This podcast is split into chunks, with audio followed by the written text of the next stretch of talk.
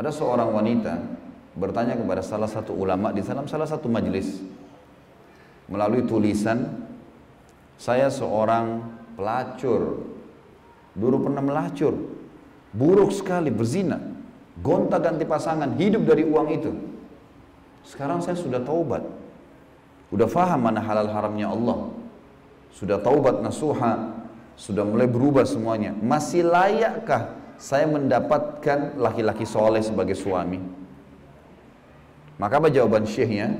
Bukan cuma layak, anda sangat layak. Karena ada sabda Nabi SAW, At-taubah tajubbu. Taubat akan membersihkan semua kesalahan yang lalu.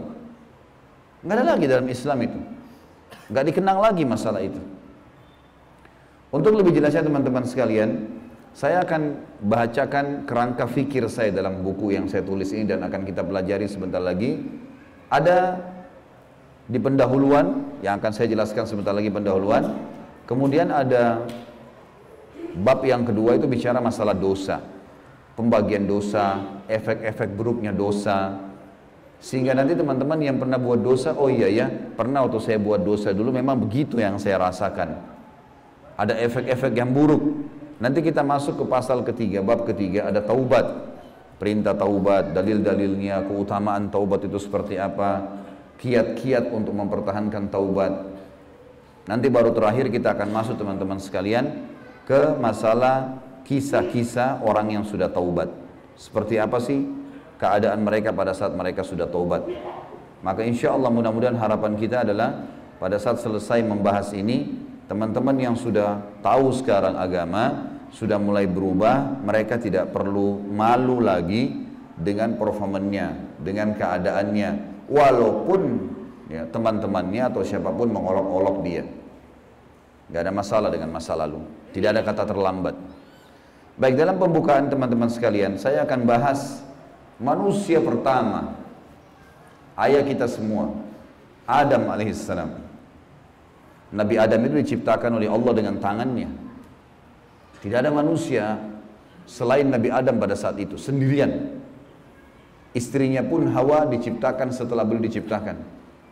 Sendirian Nabi Adam AS. Dan Allah sebelum menciptakannya sudah mengatakan kepada para malaikat. Allah ceritakan, saya bacakan surah Al-Baqarah. Urutan 2, surahnya ayat 30 sampai ayat 38. Kita akan baca ayat 30 dulu. Allah mengatakan, A'udzu billahi minasyaitonir rajim. Wa idz qala rabbuka lil malaikati inni ja'ilun fil ardi khalifah. Sampai sini dulu artinya Ingatlah ketika Allah berfirman kepada para malaikat, aku akan ciptakan sekarang manusia, makhluk manusia yang akan menjadi khalifah di muka bumi. Khalifah ini teman-teman adalah pemimpin. Pemimpin. Jadi manusia ini kita kalau di dunia ini di mana pun kita datang, semua selain manusia pindah. Hewan-hewannya, jinnya, semua pergi. Kalau tahu ada manusia datang ke situ, mereka cium baunya manusia ini tahu manusia pergi. Manusia memang khalifah diciptakan untuk itu, untuk memimpin di muka bumi ini. Karena di muka bumi ini banyak makhluknya Allah, untuk memimpin. Waktu itu teman-teman sekalian, sudah ada golongan makhluk lain namanya jin. Sebelum manusia sudah ada jin. Sudah turun temurun di muka bumi ini sebelum kita. Dan di kalangan jin ini ada satu bernama iblis.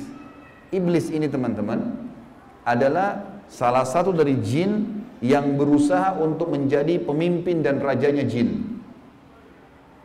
Di awal dulu, di awal kisah ini, sebelum manusia diciptakan, jin-jin ini bisa naik ke langit teman-teman sekalian naik ke langit, ngobrol sama malaikat, dibukain pintu langit buat mereka.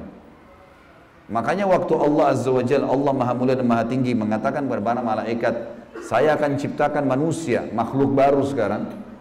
Makhluk baru ini bernama manusia, nanti jadi pemimpin di muka bumi. Waktu itu kebetulan iblis lagi ada di langit. Kumpul sama para malaikat, ikut-ikutan dia pada saat itu. Lalu Allah bilang, kalau saya sudah ciptakan, kalian semua harus sujud mendengar kalimat khalifah, iblis tahu ini kalau diciptakan berarti akan jadi pemimpin di muka bumi. Berarti dia sebagai kandidat pemimpin di muka bumi nanti terhapus, nggak bisa. Dan ini alasan utama kenapa iblis tidak mau sujud kepada Adam. Nah, dia tahu ini nanti jadi pemimpin nih. Makanya malaikat berkata begini, Qalu ataj'alu fiha man yufsidu fiha dima'a wa nahnu nusabbihu bihamdika wa.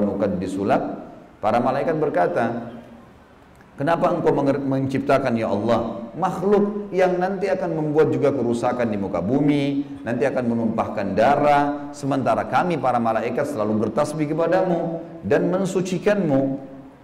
Kenapa malaikat bilang ini teman-teman? Karena di muka bumi ada jin waktu itu.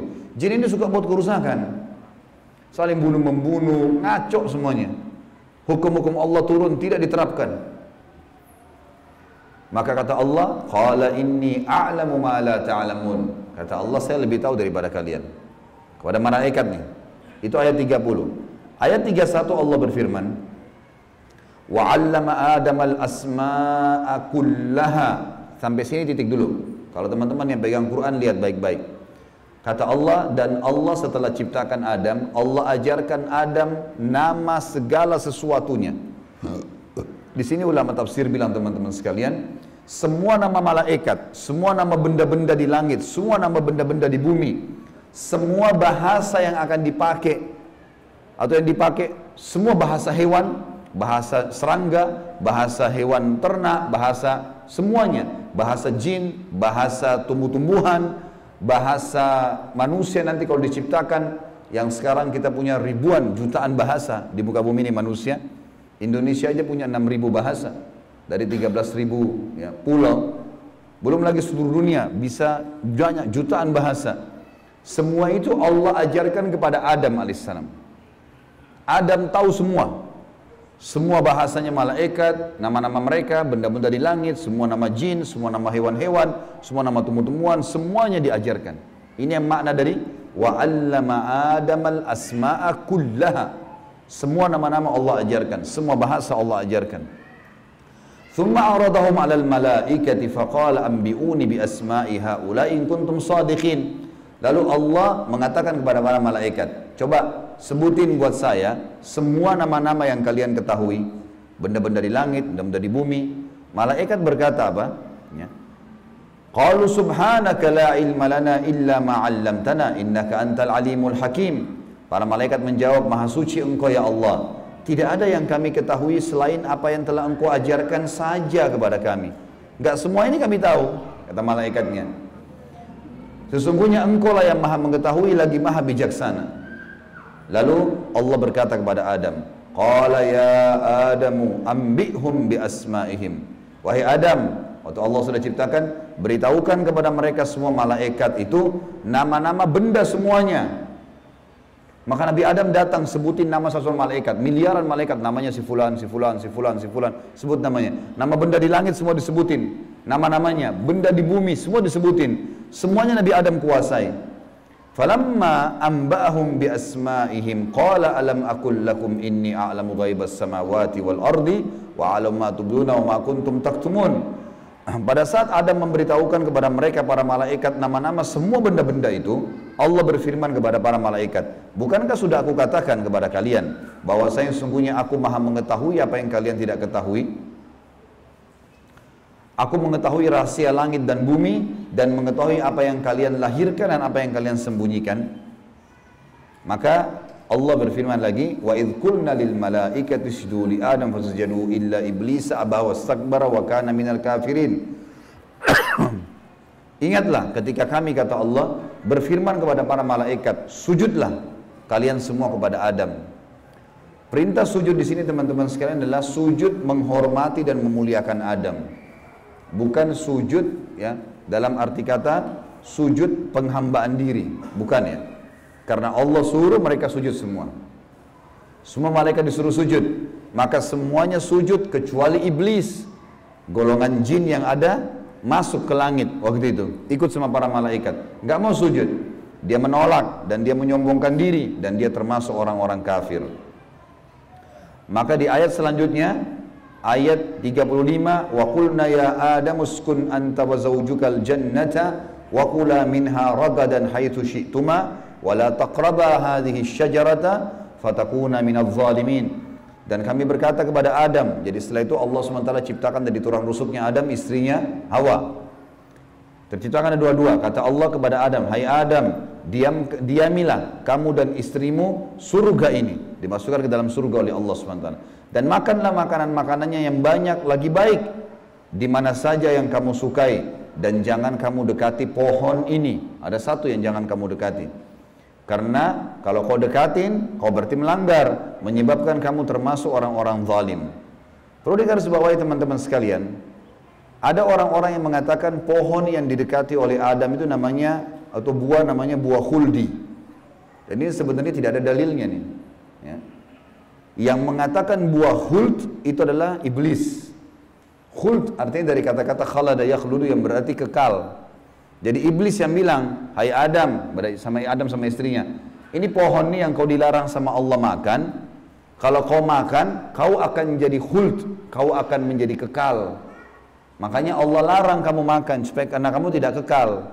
Keluarlah istilah buah khuldi, sebenarnya bukan. Allah nggak pernah sebutin namanya pohon itu. Tapi iblis yang ucapkan kalimat khuld disebutkan dalam Al-Quran. Jadi teman-teman luruskan, jangan selalu bilang Nabi Adam makan buah khuldi, itu nggak benar. Kemudian kata Allah di ayat 36, fa'azallahuma syaitanu anha fa'akhrajahuma mimma kana fi. Lalu syaitan, iblis datang membisikkan kepada Adam dan Hawa bahwasanya buah ini kamu tidak dilarang oleh Allah berdua makan kecuali karena kamu akan menjadi kekal. Seperti para malaikat-malaikat gitu kan. ada di antara mereka yang kekal. Maka syaitan pun menyesatkan mereka berdua lalu mereka melanggar. Ingat Nabi Adam di sini sama istrinya Hawa melanggar. Adam alaihissalam lihat malaikat diciptakan oleh Allah dengan tangannya tapi Nabi Adam juga buat salah secara akal sehat mestinya Nabi Adam nggak boleh buat salah kan manusia pertama lihat malaikat tahu kenal Allah pernah tinggal di surga tapi ternyata buat salah. Ini kah ayah kita semuanya gitu. Maka syaitan menyesatkan mereka kata Allah SWT dan akhirnya mereka dikeluarkan dari surga itu dan kami berfirman kepada mereka pada Adam, Hawa dan juga iblis yang menggoda turunlah kalian semua ke bumi sebagian mereka musuh bagi sebagian yang lain dan bagi kalian tempat kediaman di muka bumi dan kesenangan hidup sampai waktu yang sudah ditentukan saja. Nah, setelah itu akan meninggal dunia. Ayat 37 kata Allah, "Fatalaqqa Adamu min rabbih kalimatin fataba alai innahu huwat tawwabur rahim." Hanya saja Adam menerima beberapa kalimat. Nabi Adam alaihissalam berdoa, "Ya Allah, saya buat salah nih. Udah makan buah yang kamu larang. Sudah dihukum sama Allah diturunkan di bumi. Tapi saya ingin taubat. Saya ingin meninggalkan kesalahan saya itu. Bagaimana caranya?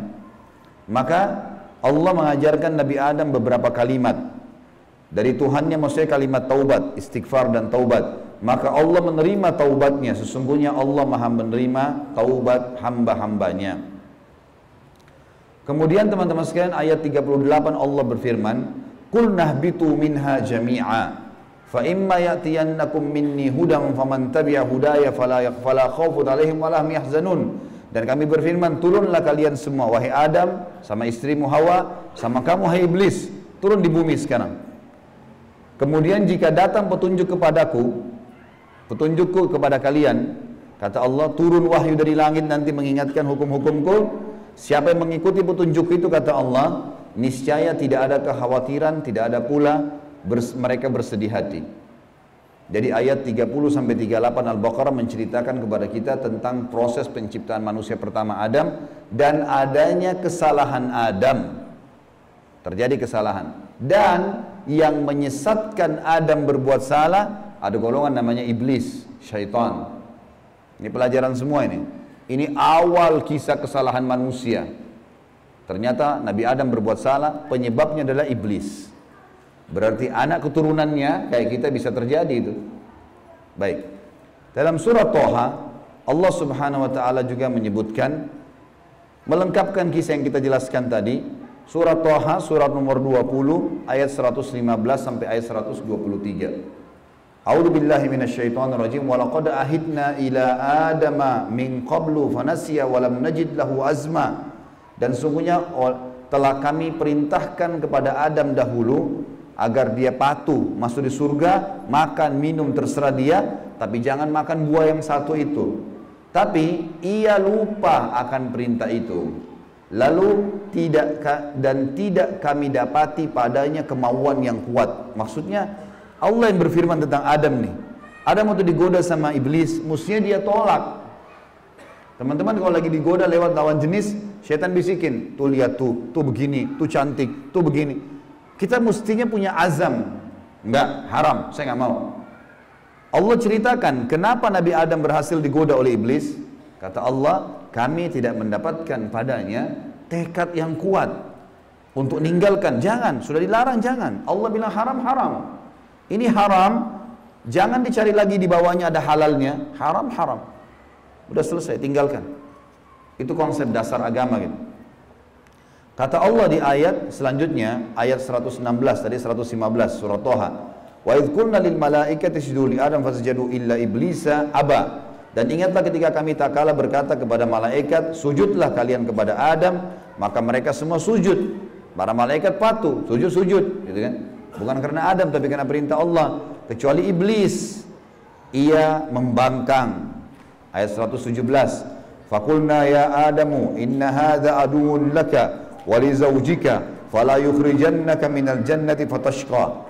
Allah sudah ingatkan kepada Nabi Adam, Hai Adam, ini sekarang yang tidak mau sujud sama kamu nih, iblis ada depan matanya. Jadi kata ulama tafsir, Nabi Adam lihat iblis. Tahu iblis bagaimana mukanya, bagaimana fisik Nabi Adam lihat. Nabi Adam lihat malaikat, tahu malaikat itu seperti apa. Lihat langit dan bumi, melihat surga, Nabi Adam lihat semua. Allah sudah ingatkan, wahai Adam, ini orang ini yang nggak mau sujud sama kamu ini sekarang, karena perintah saya musuhmu. Jangan dan musuh buat istrimu Jangan sampai dia mengeluarkan kalian berdua dari surga yang menyebabkan nanti kalian jadi celaka. Jadi sebenarnya sebelum Nabi Adam alaihissalam tergoda untuk makan buah oleh iblis, Allah sudah ingatkan. Teman-teman di sini sebelum berbuat dosa sudah turun wahyu. Jangan zina, jangan khamar, jangan riba. Diingatkan ada, cuma kita nggak belajar gitu. Ada turun peringatan-peringatan. Nabi Adam diingatkan, jangan. Lalu ayat 118, "Innalaka alla tajua fiha wala ta'ra." Kalau kau patuh hai Adam, di surga itu kau tidak akan kelaparan di dalamnya dan tidak akan telanjang. Allah akan tutup aurat kamu. Aman, asal jangan ikuti syaitan nih. Wa annahu la tadma'u fiha wala tadha. Sesungguhnya kamu juga tidak akan merasa dahaga dan tidak pula akan ditimpa matahari dalamnya. Di surga tidak lagi matahari, terang tapi tidak panas, tidak terik. Maka Allah berfirman, "Fawaswasa ilaihi syaitan." Maka syaitan iblis membisikkan fikiran jahat kepadanya. Qala ya Adamu, wahai Adam, hal adulluka ala syajaratil khuldi wa mulkin la yubla? Mau enggak kamu saya tunjukkan pohon khuldi? Jadi perkataan khuldi dari iblis diambil dari kata-kata kekal. Allah tidak sebut pohon khuldi itu dan kerajaan yang tidak akan pernah binasa. Fa'akala minha fabadat lahuma sawatuhuma wa tafika yakhsifani alaihima min warakil jannah wa asa adamu rabbahu fagawa. Dan keduanya mem memakan dari pohon buah yang dilarang itu lalu tampaklah bagi keduanya aurat mereka. Waktu Nabi Adam makan buah yang dilarang tiba-tiba bajunya Nabi Adam dan istrinya terlepas. Karena melanggar hukum Allah, terlepas auratnya. Dan mulailah keduanya menutupinya dengan daun-daun yang ada di surga. Maka durhakalah Adam kepada Tuhannya dan telah sesatlah dia pada saat itu. Ayat 122, "Tsumma ijtabahu rabbuhu fataba alaihi wahada." Kemudian Tuhannya memilihnya, memilihnya sebagai hambanya yang bertaubat dan dia menerima taubatnya dan memberinya petunjuk. Qala bita minha jami'a ba'dukum li ba'din adu fa imma ya'tiyannakum minni hudan faman tabi'a hudaya fala yadhillu wa la yashqa. Allah berfirman, turunlah kalian berdua dari surga ini bersama-sama. Adam alaihissalam dengan istrinya sebagai dan juga iblis yang ada pada saat itu membisikkan turun semuanya. sebagian kalian menjadi musuh bagi sebagian yang lain. Akan datang kepada kalian petunjuk dariku nanti, barang sampai mengikuti petunjukku, maka dia tidak akan pernah celaka. surah Toha melengkapkan penjelasan surah Al-Baqarah. Berarti Adam diciptakan, Adam alaihissalam sudah diingatkan sama Allah, Adam melanggar kena bisikan syaitan dan akhirnya hukumannya diturunkan dari surga ke muka bumi ini. Tentu masih banyak surah-surah lain teman-teman sekalian, di antaranya surah Al-A'raf. Surah Al-A'raf ini surah nomor 7 ayat 11 sampai ayat 27, tapi tidak semuanya saya bacakan. Ini kalau teman-teman mau baca, ceritanya tentang bagaimana iblis menolak, iblis akhirnya meminta kepada Allah agar uh, diberikan kesempatan menyesatkan Adam dan keturunannya sampai Allah Subhanahu wa taala memanjangkan umurnya iblis ya. Dan ini ayat-ayat terakhir yang akan saya bacakan di dalam poin ini, dalam pembukaannya. Surah Al-A'raf, surah nomor 7, ayat 11 sampai ayat 27. Ya. Tujuannya kita teman-teman sekalian supaya tahu tentang awal kisah dosa itu di mana. Dan bagaimana ayah kita melakukan perbuatan dosa tetapi dia taubat. Dan ini bisa terjadi bagi orang beriman, buat salah, tapi dia berhenti. Sekali berhenti tidak akan terulang. A'udzu billahi minasyaitonir rajim ayat 11 surah Al-A'raf. Wa laqad khalaqnakum tsumma sawwarnakum tsumma qulna lil malaikati isjudu li Adam fasajadu illa iblisa lam yakun minas sajidin. Sesungguhnya kami benar-benar telah menciptakan kamu hai Adam, lalu kami bentuk tubuhmu, kemudian kami katakan kepada para malaikat sujudlah kalian kepada Adam. Maka mereka pun sujud kecuali iblis, dia tidak mau sujud. Qala ma mana'aka alla tasjuda id amartuk Allah lalu berfirman kepada iblis, kenapa kau nggak mau sujud untuk saya perintahkan? Qala ana khairum minhu. Saya lebih baik darinya. Iblis berkata kepada Allah, saya lebih baik daripada Adam itu. Khalaqtani min narin wa khalaqtahu min tin. Engkau ciptakan aku dari api sementara dia dari tanah. Ini cuma alasan akal-akalan iblis untuk membenarkan perilaku dia karena dia jengkel kenapa Adam diciptakan makhluk baru untuk jadi pemimpin di muka bumi berarti dia sudah kalah nggak bisa lagi dia jadi kandidat pemimpin di muka bumi lalu Allah mengatakan qalah bit minha fama yakunu laka an tatakabbara fiha fakhruj innaka minas sagirin. Allah berfirman kepada iblis turunlah kamu dari surga ini. Tidak boleh kamu ada di langit sini. Karena kamu sepatutnya tidak menyombongkan diri di hadapanku. Maka keluarlah sungguhnya kau termasuk orang-orang yang hina. Iblis waktu sebelum turun dia bilang Qala anzirni ila yaumi yub'atsun. Iblis berkata, "Berilah aku ketangguhan ya Allah sampai hari di mana dibangkitkan. Jangan aku mati dulu." Tujuannya adalah kata Allah, "Qala innaka minal munzarin." Kau boleh aku panjangkan umurmu sampai hari kiamat. Qala fa bima agwaitani la aku la aku udanna lahum siratakal mustaqim.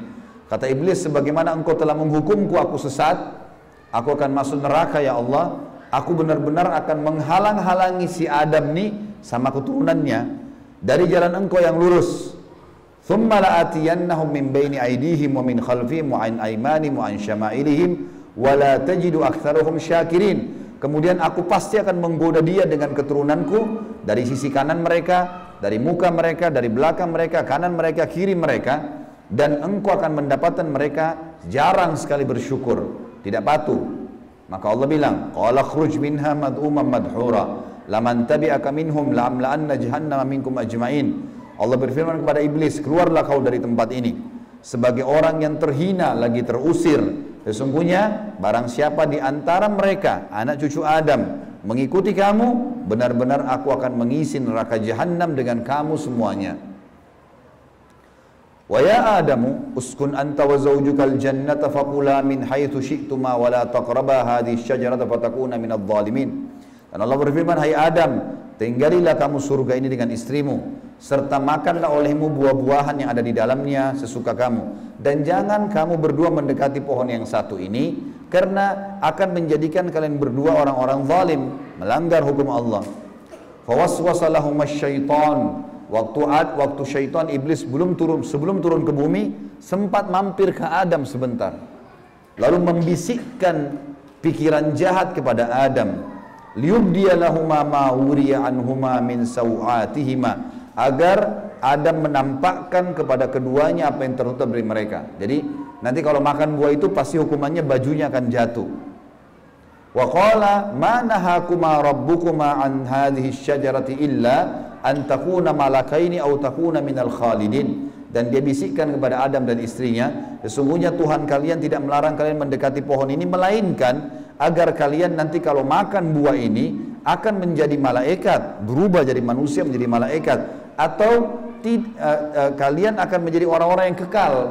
Kalau makan ini jadi kekal, makanya Allah larang. Wa qasamahuma inni lakuma laminan nasihin. Lalu syaitan bersumpah atas nama Allah, demi Allah saya benar Ikuti saya wahai Adam. Saya betul-betul memberikan nasihat yang baik buat kalian berdua. Fadallahuma bigurur. Syaitan terus membujuk keduanya untuk memakan buah itu dengan tipu dayanya. Falamma dzaka syajarata badat lahuma sawatuhuma wa tafika yakhsifani alaihima min warakil jannah. Tak kala keduanya mulai makan buah kayu itu, Nampaklah bagi keduanya aurat-auratnya dan mulailah keduanya menutupi dengan daun-daun yang ada di surga. Jadi kalau kita lihat ayat ini teman-teman sekalian, berarti yang Allah sebutkan nama pohon itu adalah pohon kayu. Entah pohon kayu ini maksudnya apa? Apakah itu buah pohon kayunya adalah dari buah pohon kayu itu ada buahnya? Yang jelas Allah sebutkan seperti itu. Wanadahuma rabbuhuma alam anhakuma an hadhihi antilkuma syajarati wa aqul lakuma inna syaitana lakuma adu mubin dan Allah berfirman kepada Adam pada saat itu bukankah aku sudah melarang kalian berdua jangan dekati pohon kayu itu dan aku katakan kepada kalian berdua sungguhnya syaitan adalah musuh kalian maka jangan ikuti qala keduanya berkata Adam dan istrinya Rabbana zalamna anfusana kami telah berbuat salah nih menzalimi diri kami Wa illam taghfir lana wa tarhamna lanakunanna minal khasirin. Kalau engkau tidak maafkan kami, kami termasuk orang-orang yang rugi.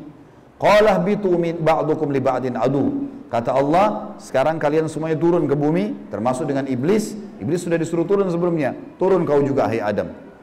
Jadi rupanya iblis waktu itu kata ulama tafsir sudah diusir sama Allah. Tapi dia tidak mau turun sendiri. Maka dia mampir sebentar bisikin Adam. Adam terpengaruh. Maka lalu kata Allah SWT, kalian semuanya turun sekalian ke bumi. Dan sebagian kalian musuh sebagai sebagian yang lain. Dan kalian memiliki tempat kediaman dan kesenangan di dunia dalam waktu yang sudah ditentukan saja. Qala fiha tahyawna Kata Allah di situlah kalian akan saya hidupkan wa fiha tamutuna. Di situlah kalian juga akan mati wa minha tukhrajun dan dari situ juga kalian akan dibangkitkan. Ayat terakhir-terakhirnya adalah ya bani Adam, wahai anak Adam, kita dipanggil semuanya.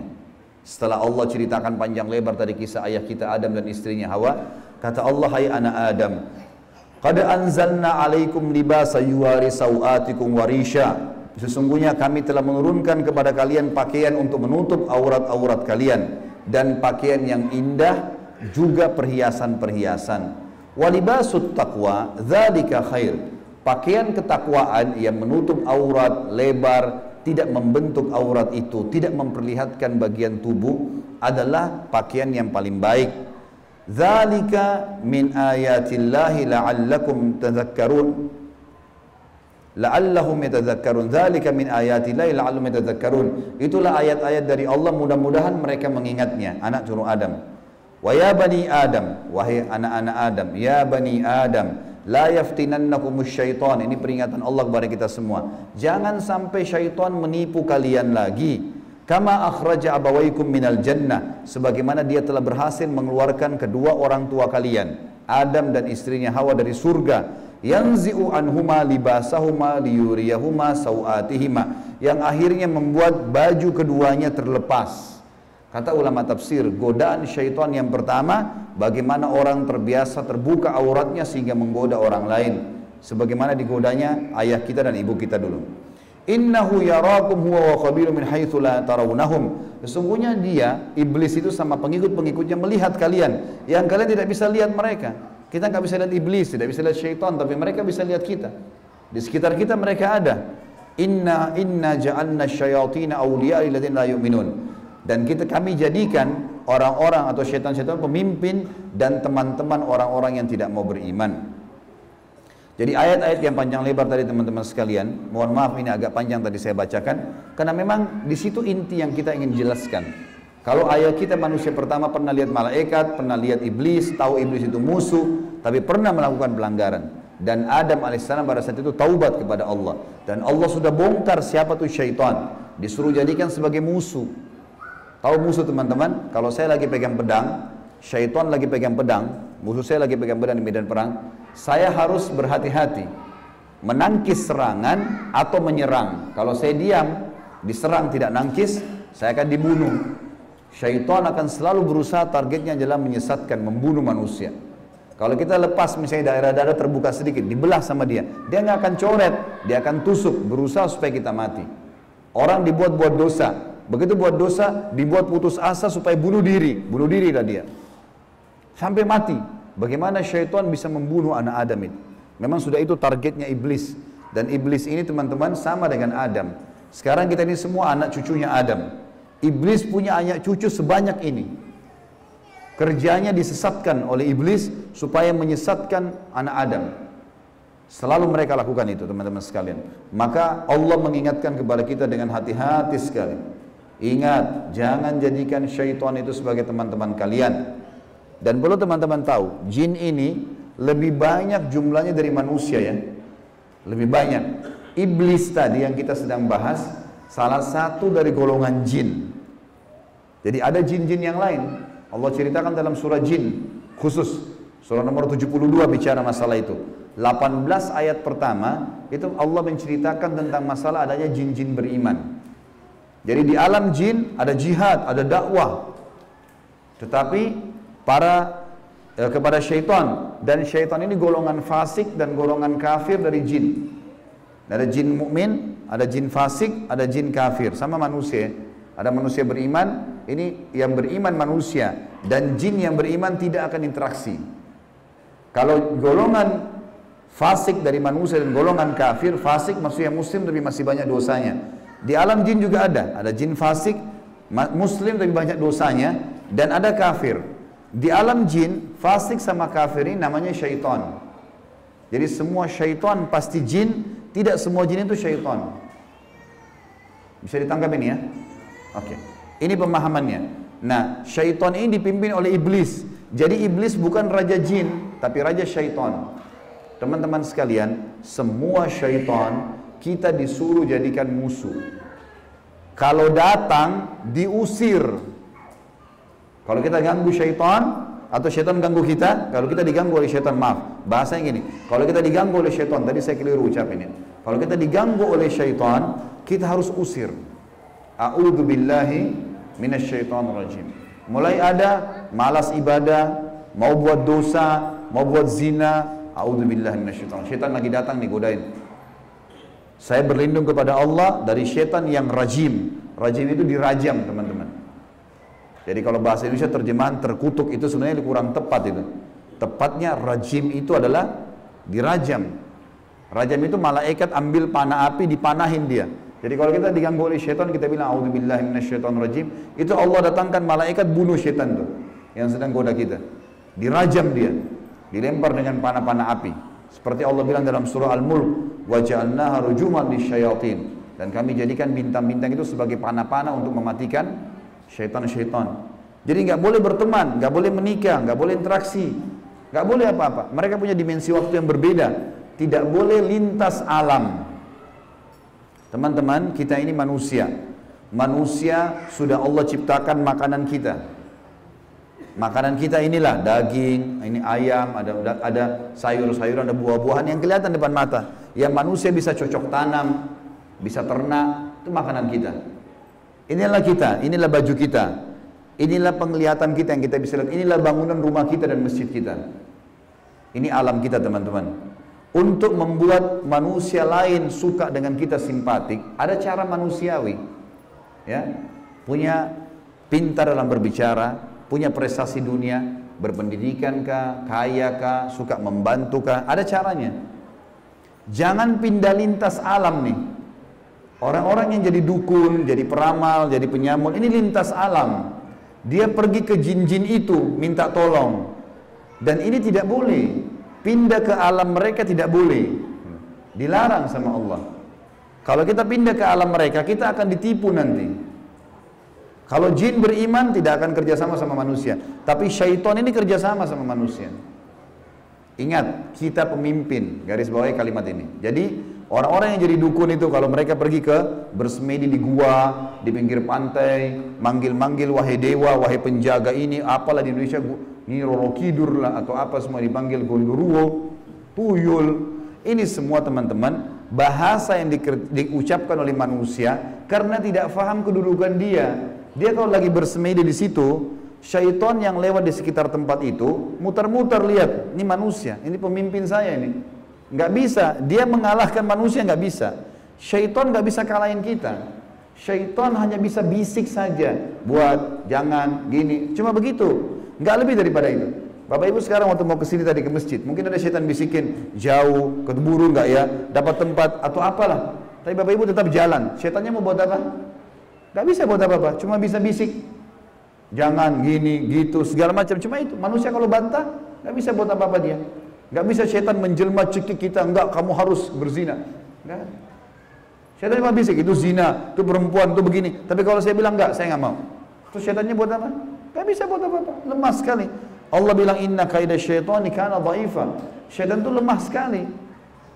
Kalau ada manusia yang tidak faham tentang kedudukan mereka sebagai khalifah, ditipulah oleh syaitan itu. Sama tadi orang bersemedi itu.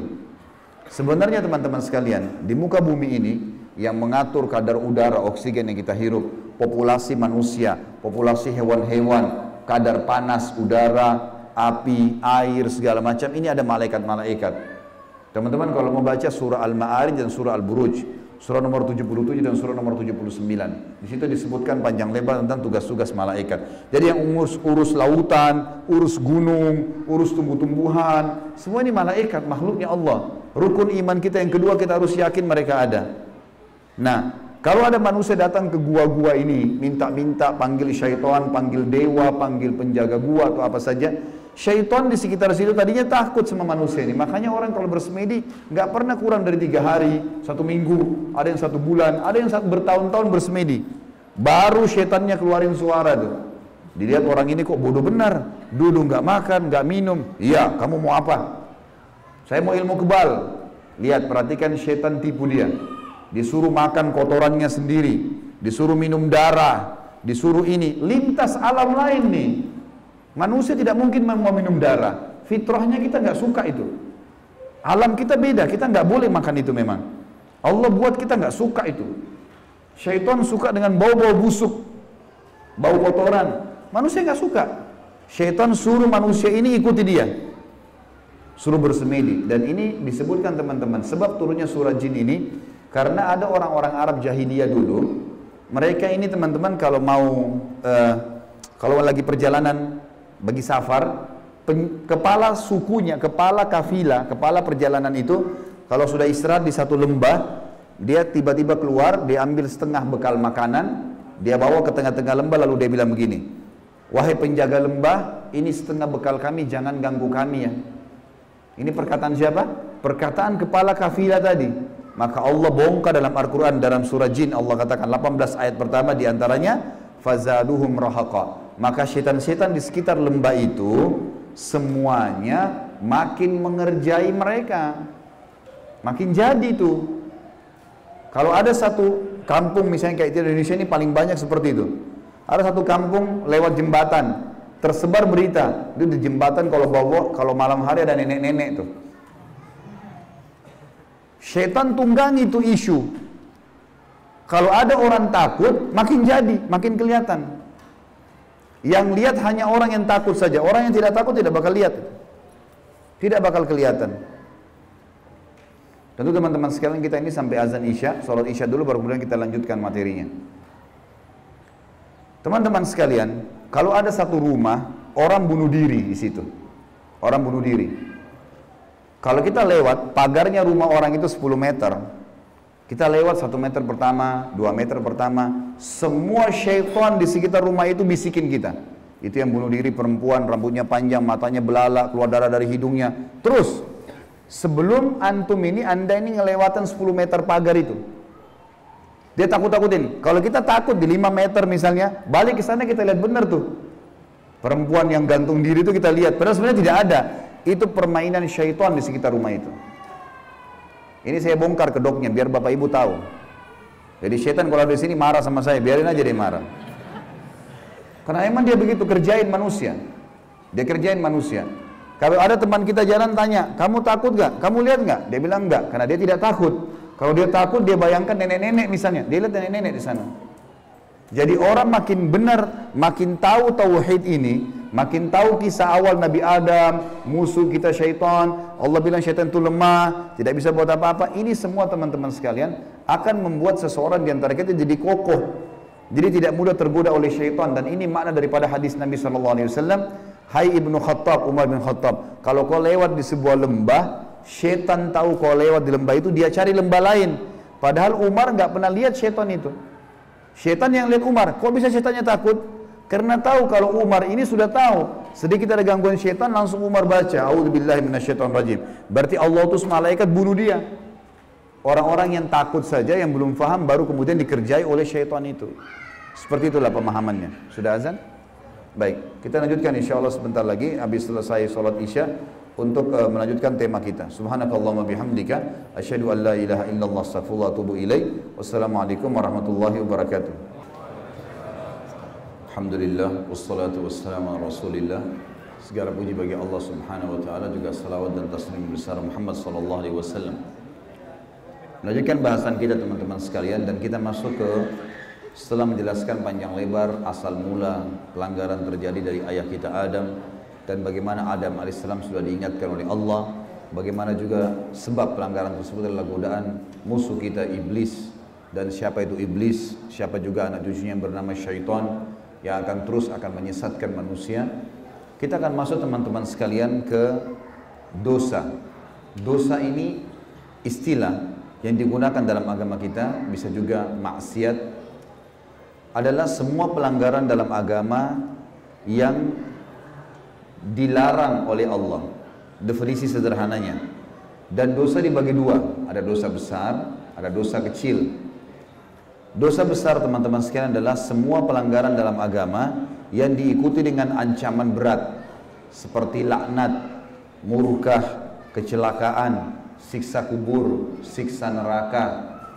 Jadi kalau misal ada ancaman kekufuran misalnya. Kata Nabi SAW, perbedaan dasar antara kami dengan orang-orang kafir adalah solat lima waktu. Siapa yang meninggalkannya, dia telah kafir. Ada ancaman kekafiran meninggalkan solat lima waktu. Berarti meninggalkan solat lima waktu adalah dosa besar. Jadi kalau diikuti ada ancaman-ancaman setelahnya maka namanya dosa besar. Kalau dosa kecil teman-teman, semua pelanggaran dalam agama yang tidak diikuti dengan ancaman seperti misal uh, Nabi SAW mengatakan siapa pun yang menurunkan pandangannya dari yang haram misal ada lawan jenis lewat diturunkan pandangannya dia nggak mau lihat. Maka Allah akan tanamkan di dalam hatinya keimanan sampai hari kiamat. Ini kata ulama mengatakan memandang lawan jenis dosa tapi dosa kecil.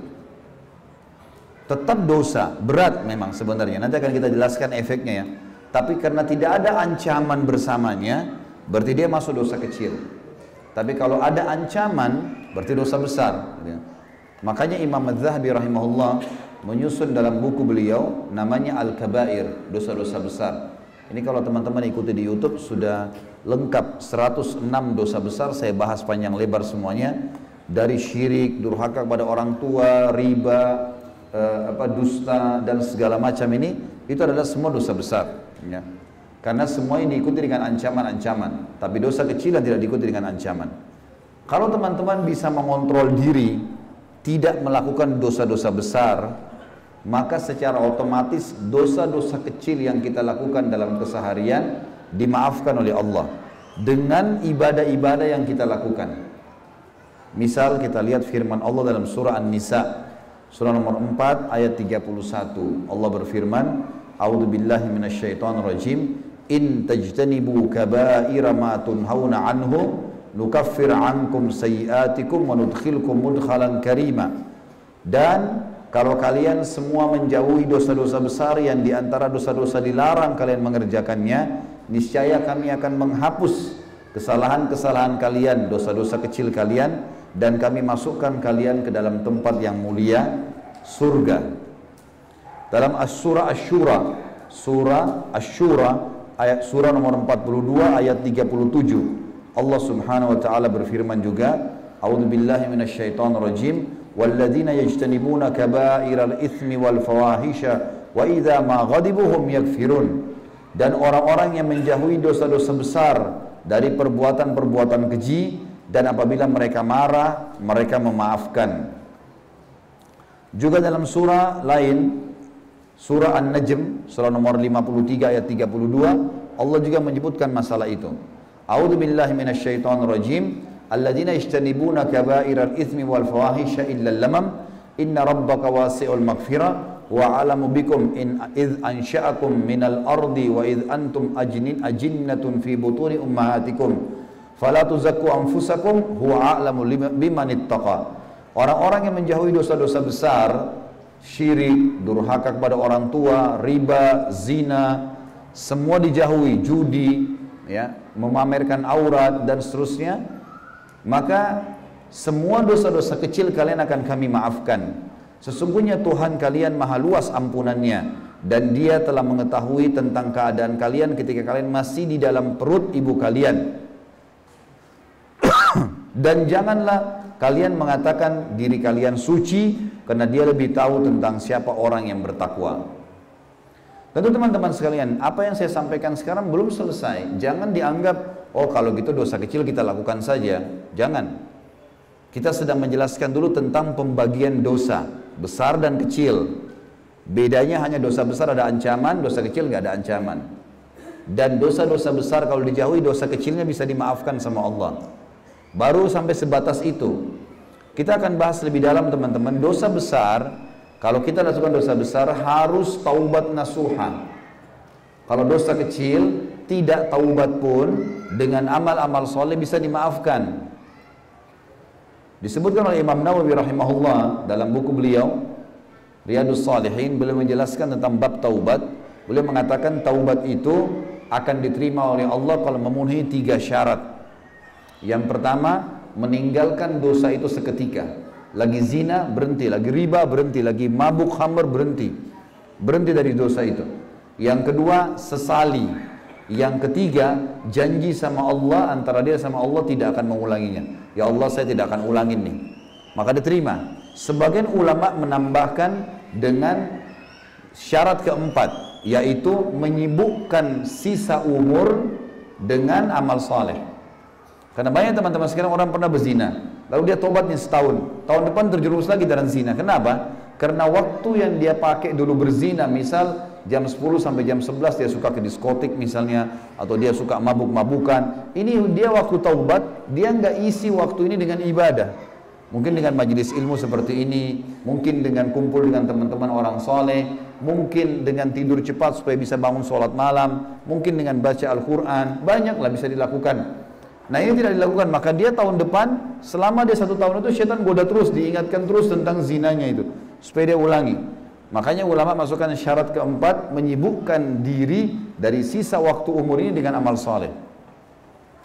Jadi kalau dosa besar, kalau dosa kecil, boleh dimaafkan dengan kesalahan, dengan amal soleh. Misal Allah mengatakan, Ula a'udzu minasyaitonir ulaika alladziina yubaddilullahu sayyi'atim hasanat. Mereka-mereka itulah yang Allah ganti ya pahala dosa mereka menjadi pahala. Ada orang yang ganti, orang Allah ganti. Juga dikatakan innal hasanat yudhibna sayyiat. Allah berfirman dalam ayat lain, sesungguhnya semua amal soleh akan membersihkan dosa-dosa. Contoh yang lain hadis Nabi SAW. Beliau pernah mendatangkan seember air, minta untuk berwudu. Lalu Nabi SAW berwudu dengan sangat indah dari telapak tangan, dari kumur-kumur, dari hidung, dari wajah, kepala sampai kaki indah sekali. Sahabat semua menyaksikan kata Nabi SAW, demi zat yang ubun-ubunku dalam genggamnya saya demi Allah, tidak ada seorang pun di antara kalian yang beruduk seperti udukku ini, kecuali akan berjatuhan semua dosa-dosa kecilnya bersamaan dengan tetesan air terakhir. Jatuh dosanya. Berarti amal soleh apa pun, sholatnya, uduknya, puasanya, bakti sama orang tuanya, baca Qur'annya, akan membersihkan dosa-dosa. kata, kata Nabi SAW dalam hadis Bukhari Muslim, antara sholat dengan sholat lima waktu subuh ke duhur, duhur ke asar, asar ke maghrib, maghrib ke isya isya ke subuh lagi antara Jum Jumat ke Jumat antara Ramadan ke Ramadan antara umroh dengan umroh dalam riwayat lain akan menjadi pembersihan dosa-dosa kecil di antaranya kalau dosa besar dijauhi jadi kalau dalam waktu-waktu ini kita tidak ada dosa besar maka Allah jadikan ibadah-ibadah kita itu jadi pembersih dosa-dosa Baik teman-teman sekalian, saya ingin titik beratkan dulu sedikit. Dosa-dosa kecil, sekecil apa pun, apalagi dosa besar ya, kita bicara dosa-dosa kecil, apalagi dosa besar. Kalau dikerjakan, betul dosa kecil itu akan dimaafkan oleh Allah dengan ibadah-ibadah. Tapi ingat, dosa-dosa kecil ini ada pembersihannya. Ada pembersihan. Jadi jangan teman-teman mengkhayal kalau buat dosa lalu Allah tidak akan hukum. Itu nggak benar. Allah pasti akan hukum sekecil apa pun dosa kita lakukan. Ini perlu digarisbawahi ya. Walaupun dosa kecil akan ada pembersihan. Kenapa kita dalam setahun sering sakit kadang-kadang? Ada flu, ada demam, kadang-kadang kita lagi jalan ke seleo, ada kehilangan barang, ada utang orang tidak bayar, ada banyak. Cobaan datang, Kenapa datang teman-teman sekalian? Pembersihan terhadap dosa kita. Kalau kita pernah menggibah orang, dosa besar nih gibah, nggak boleh kan? Tobat nih, sudah kita tobat kepada Allah. Janji tidak akan ulangi lagi Allah berhenti. Jangan heran teman-teman, pada saat kita sudah tobat tiba-tiba kita digibah oleh orang lain. Jangan kaget karena ini pembersihan itu harus ada pembersihannya. Nggak bisa enggak. Dosa kecil atau dosa besar ada pembersihan. Makanya kata Nabi SAW, al jaza min jinsil amal. Balasan akan datang sesuai dengan kadar perbuatan seseorang. Ada balasannya. Kata Nabi SAW dalam hadis lain, kama tadinu tudan. Sebagaimana kau berperilaku, kau akan diperilakui. Hari ini kita pukul, besok kita dipukul. Hari ini kita gunjing, besok kita digunjing. Hari kita mencuri, kita bisa dicuri. Emang begitu. Ada balasannya supaya manusia kapok, tidak akan ulangi lagi. Jadi jangan berpikir tadi sekali lagi ini yang saya ingin titik beratkan. Oh dosa kecil, gampang dimaafkan sama Allah kalau saya sholat. Benar, untuk hukuman akhirat nggak ada, dimaafin sama Allah. Tapi pembersihan di dunia ada, nggak ada tidak dibersihkan sama Allah. Makanya ada sakit, ada cobaan, ada segala macam hal. Kalau orang mukmin datang cobaan padanya pembersihan dosanya dan peninggian derajatnya. Emang begitu. Baik. Bagi teman-teman yang masih berpikir berbuat dosa, misal nggak apa-apa deh saya pacaran misalnya, nggak apa-apa deh saya minum khamar, saya juga sholat, nggak apa-apa deh saya begini, nggak apa-apa deh saya begitu. Perhatikan efek buruknya dosa. Yang pertama teman-teman sekalian, kalau seseorang berbuat dosa, hidupnya akan sempit, sumpek. Kalau orang mabuk malam, tidur nih dalam kondisi mabuk, bangun tidur demi Allah sumpek pasti suntuk. Nggak ada orang bangun gembira, habis mabuk tadi malam nggak ada. Orang habis berzina, pasti nyesel. Walaupun orang non muslim tuh. Secara fitrah, perbuatan dosa, Allah akan jadikan sempit di jiwanya orang itu. Walaupun itu orang kafir. Sumpek dia. Cuma orang yang tidak tahu agama, dia nggak tahu harus ke mana arahnya. Maka habis mabuk tadi malam, mabuk lagi besok malam. Larinya ke situ lagi. Padahal makin banyak dia buat ini, dia makin banyak minum racun. Dosa itu teman-teman seperti segelas racun. Kita tahu itu racun atau tidak, tetap berbahaya. Tapi orang kalau tahu, mematikan. Orang kalau tidak tahu, bertahap. Tapi tetap berbahaya buat dia. Dia tidak bisa bilang, wah saya tidak tahu kalau itu racun, maka tidak apa-apa di badan saya. Enggak, pasti tetap berbahaya. Dosa itu seperti itu. Jangan anggap remeh. Nggak bisa dimain-main ini. Hidup sempit ini akan ada teman-teman. Kata ulama disepakati semua orang muslim, orang kafir, tahu tidak tahu hukumnya akan mendatangkan hidup sempit. Hidup sempit adalah sumpek, suntuk, sedih. Tiba-tiba kita merasa sedih sendirian, nggak tahu harus buat apa. Orang-orang yang tidak punya iman larinya bunuh diri, larinya minum racun, ya, dan seterusnya. Allah berfirman dalam surah Toha, ini efek pertama, efek buruk dari dosa adalah hidup sempit, sumpek, suntuk, sedih. Gangguan yang terjadi dengan kerabat, pendamping, ya. Sampai sebagian ulama salah bilang, saya tahu saya punya dosa, kalau tiba-tiba saya lihat istri saya berubah dengan saya. Tunggangan saya, kuda yang saya mau naikin berubah. Kita mau jalan, mobil kita tiba-tiba kempes bannya. Ada apa nih? Muhasabah coba.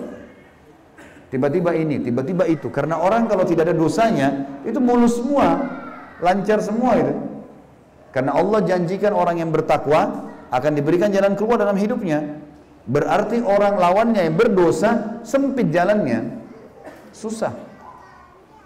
Allah berfirman dalam surah Toha, surah nomor 20 ayat 124. Teman-teman yang pegang Quran dibuka ya. A'udzubillahi minasyaitonirrajim.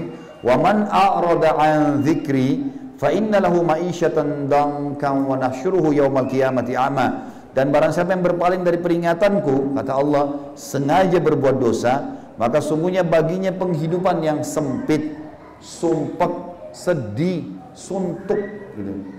Dan kami akan menghimpunnya pada hari kiamat kalau tidak sempat taubat dalam keadaan buta tidak melihat. Yang kedua teman-teman orang yang berbuat dosa dipastikan oleh Allah kalau dia tetap ngotot dalam kesalahannya. Kalau dia tahu itu salah dia segera bertobat itu bagus. Tapi kalau dia tidak tahu itu dosa atau dia tidak mau tahu tetap aja berbuat dosa maka akan menjadi penyebab kesesatan dan jauh dari petunjuk.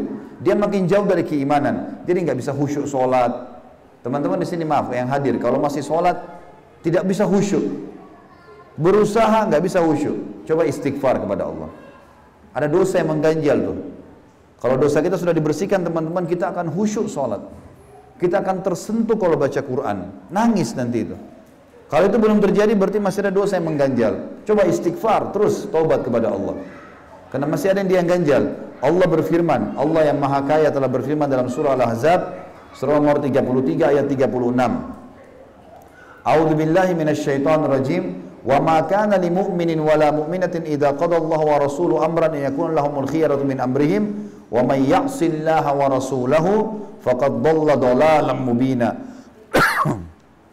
tidak patut kata Allah laki-laki yang mengaku beriman dan perempuan yang mengaku beriman apabila Allah dan Rasulnya telah menetapkan satu keputusan jangan buat dosa buat ketaatan. Mereka masih punya pilihan lain. Mereka masih tetap mau melanggar nggak mau patuh gitu. Maka kata Allah barang siapa yang mendurhakai Allah dan Rasulnya tetap mau berbuat dosa dia sudah tahu itu dosa maka sungguh dia telah sesat dengan kesesatan yang nyata. Sulit dia untuk khusyuk. Nggak bisa khusyuk. Susah.